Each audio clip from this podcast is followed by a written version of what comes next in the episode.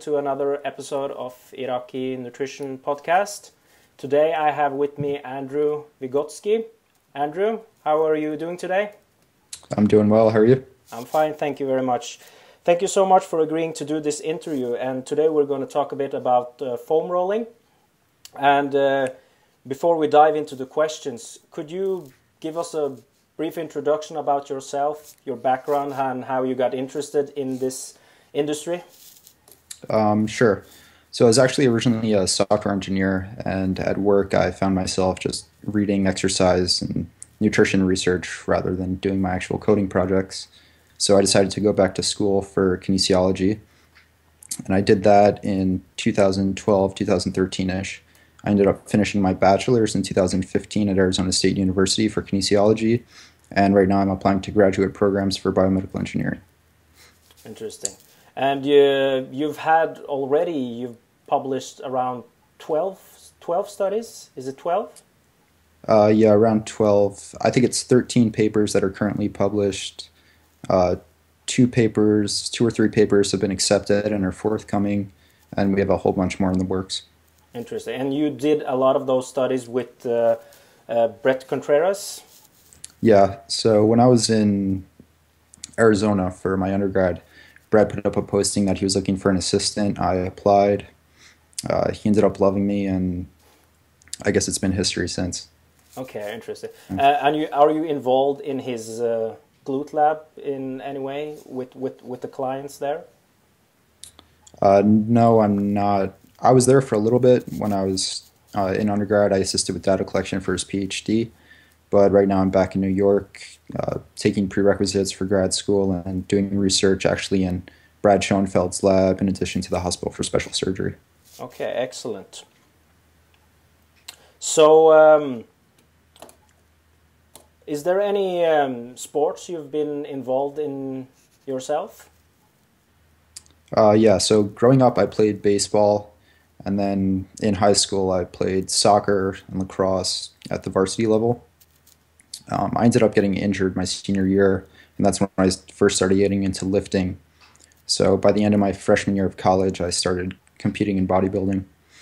Uh, I've competed in I think three shows in 2012, 2013, or 2011. Yeah, 2011, 2012. I did all right, but ever since I've just been too busy to compete with coursework and research and such. But maybe I'll get back into it someday if I have the time. Okay soccer that's not um, it's not usual to hear people in the states playing soccer. so, um, what's your favorite team? Because soccer uh, is like a huge thing, especially here in Europe. Right. Uh, I didn't really watch or pay attention enough to the EPL and stuff like that to really have a favorite team. I did watch the EPL on occasion, but I wasn't a diehard fan of like Arsenal or anything like that. Ah, okay.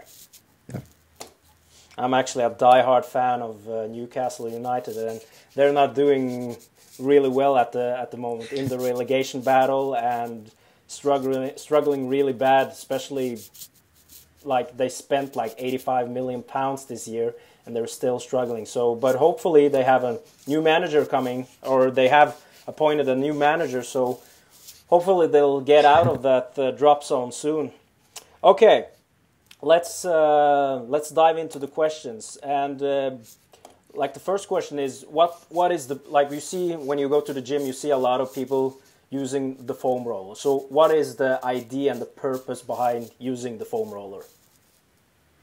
So the idea is that it's kind of like a self massage and that afterwards you'll be able or you'll have an increased range of motion than what you had before you foam rolled. Um, so it basically allows people to increase their range of motion or it allows them to obtain a pain-free range of motion, depending on the person. And is there other equipment that's also usually used except the foam roller? Uh, some people have roller sticks, which are kind of like hard plastic with a bunch of little plastic rings. So you roll it, and you can do it like sitting down, do it on your quad, and you may be able to get more pressure if you do that. And there's some research on those in addition to the traditional foam rollers. And some people also use things like PVC pipes and other foam rollers that have uh, almost like little notches sticking out So the idea is that it applies more pressure to the muscle. Yeah, it's uh, also I see also some people use like lacrosse balls and uh, golf balls and stuff like that because yeah, of the yeah lacrosse balls, tennis balls, and now you see these power lifters using these like 100, 200 pound metal cylinders, and they'll just roll it on their hamstrings and stuff. And it seems like things are progressing in terms of trying to get as much pressure on the muscle as possible. It's pretty interesting. Yeah. So is there is there any because a lot of arguments for using the foam roller is that it can influence the fascia in the muscle. Is there any evidence that it actually does that? Uh, to date, I've seen no convincing evidence that suggests that. In fact, all evidence I've seen in my eyes points to neurological mechanisms. Uh, one specific study that suggests it's not fascial is a study that came out, or a model that came out in 2008 by Chaudhry. And basically, they found it would take between 400 kilograms to 900 kilograms of mass. So, I guess convert that to newtons if you want force, but um, in order to influence the fascia by even 1%. So, that's for both compression and shear. Okay. In terms of neurological mechanisms, though, there were two papers that came out last year that I thought were pretty interesting. One was by Grieve et al., and what they did was they had people roll uh, the bottoms of their feet with a tennis ball, and they had them do a sit and reach. Now, the authors of that study, I guess, purported that it was the fascia that influenced their sit and reach score because they reach after rolling the plantar fascia, but I think that's kind of a non-local neurophysiological mechanism. And then there was another study by I'm probably going to butcher his name, um, Abu Darda or something along those lines. He's out of uh, Memorial University, but what they found was foam rolling one leg will increase the pain pressure tolerance of that leg, and it will also increase the pain pressure tolerance of the opposite limb. Okay. So to me, that says it's something that's central in origin and it does something with pain modulation. Okay. And when it comes to effect on performance, does it have like is there any evidence that using the foam roller can have any positive effect on performance? Currently, most of the evidence suggests that it has no effect on performance. Uh, something to keep in mind, though, is these studies are all of a particular nature. They're mostly uh, maximum force output or something like vertical jump height. So it's something that's fast and it's something that's short duration. Now, I, along with a few other researchers, have a couple papers in review. What we did was we had people perform knee extensions to failure using different doses of foam rolling, and it appears that there's a different or that there's a dose dependent effect wherein more foam rolling would result in less repetitions performed. So this is a totally different focus in terms of muscular endurance as opposed to muscular strength or power output. So that's something to keep in mind in an area of research that's still developing. Okay, and like when when you it like typically at my gym and a lot of other gyms that I've visited, like you see a lot of people they spend a lot of time using these foam rollers, and I've had like colleagues and friends that spent up like 20 25 minutes doing foam rollers before even touching the barbell. What what's your opinion about that practices and spending so much time doing these uh, these movements I do think a lot of people overdo it and I think it comes from this mindset that people think they have to do this to stay healthy or have to do this to maintain mobility and I think if people need to keep doing this in order to maintain their mobility then they need to re- reevaluate. So reevaluate reevaluate your training program, reevaluate your form, so on and so forth. But with that, I think this kind of anecdote from one of my studies kind of confirms this. So I would ask subjects, how often do you foam roll? And most of them, if not all of them, responded, not as much as I should. So there is this dogma that you do have to foam roll to stay healthy or to be in optimal shape, but I don't think that's the case. Okay, excellent. Um, yep. Yeah, uh, like I, I've mentioned this um, before we started the interview that I had I had major surgery three years ago, and uh, like when I got back into the gym, I had so tight glutes that I barely could do any squats or anything else. So I started actually with doing lunges, and got uh, like like the movement from doing that exercise. But I also added in a bit of foam rolling, and I would say that for the first ten days that I did the foam rolling, I did have uh, it did have an effect because my muscles were so were so tight. But after that, I I wouldn't say that I had any more benefits from using it. So in that scenario, I can see how it can be used. But mm. like you said, I agree that I think that a lot of people they they overdo it, and you're you're basically spending like up to 30 or 40 percent more time in the gym doing these things, and you probably could get the benefits that you wanted just by doing some resistance exercises. Yep, I completely agree. So, I guess the idea with what may have happened with you is that you foam roll, you can increase your range of motion during the preceding exercise. Then that exercise helps you kind of reinforce that range of motion, and therefore you get like a chronic, long lasting benefit. Most of the chronic foam rolling research that I've seen at this point in time does not support the use of foam rolling for chronically increasing range of motion. So I think that's where people are going to see the benefits. And so after you foam roll, just reinforce that range of motion through resistance exercise, and I think it should stick. Okay, excellent.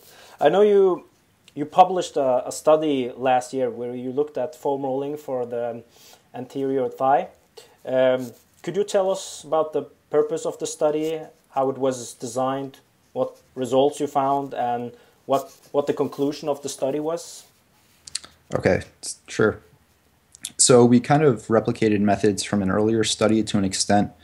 Uh, that is the foam rolling methods from MacDonald et al. 2013 to foam roll the anterior thigh. What they did was they looked at knee flexion range of motion with the hip in a, an extended position. But what we did was we used the Thomas test, which is basically a test of both hip extension and knee flexion. And it's often used as a proxy for, I guess you could say, rectus femoris extensibility, or I think a better term is rectus femoris stiffness. But what we did was we used motion capture one because it's a more objective measure than using a goniometer.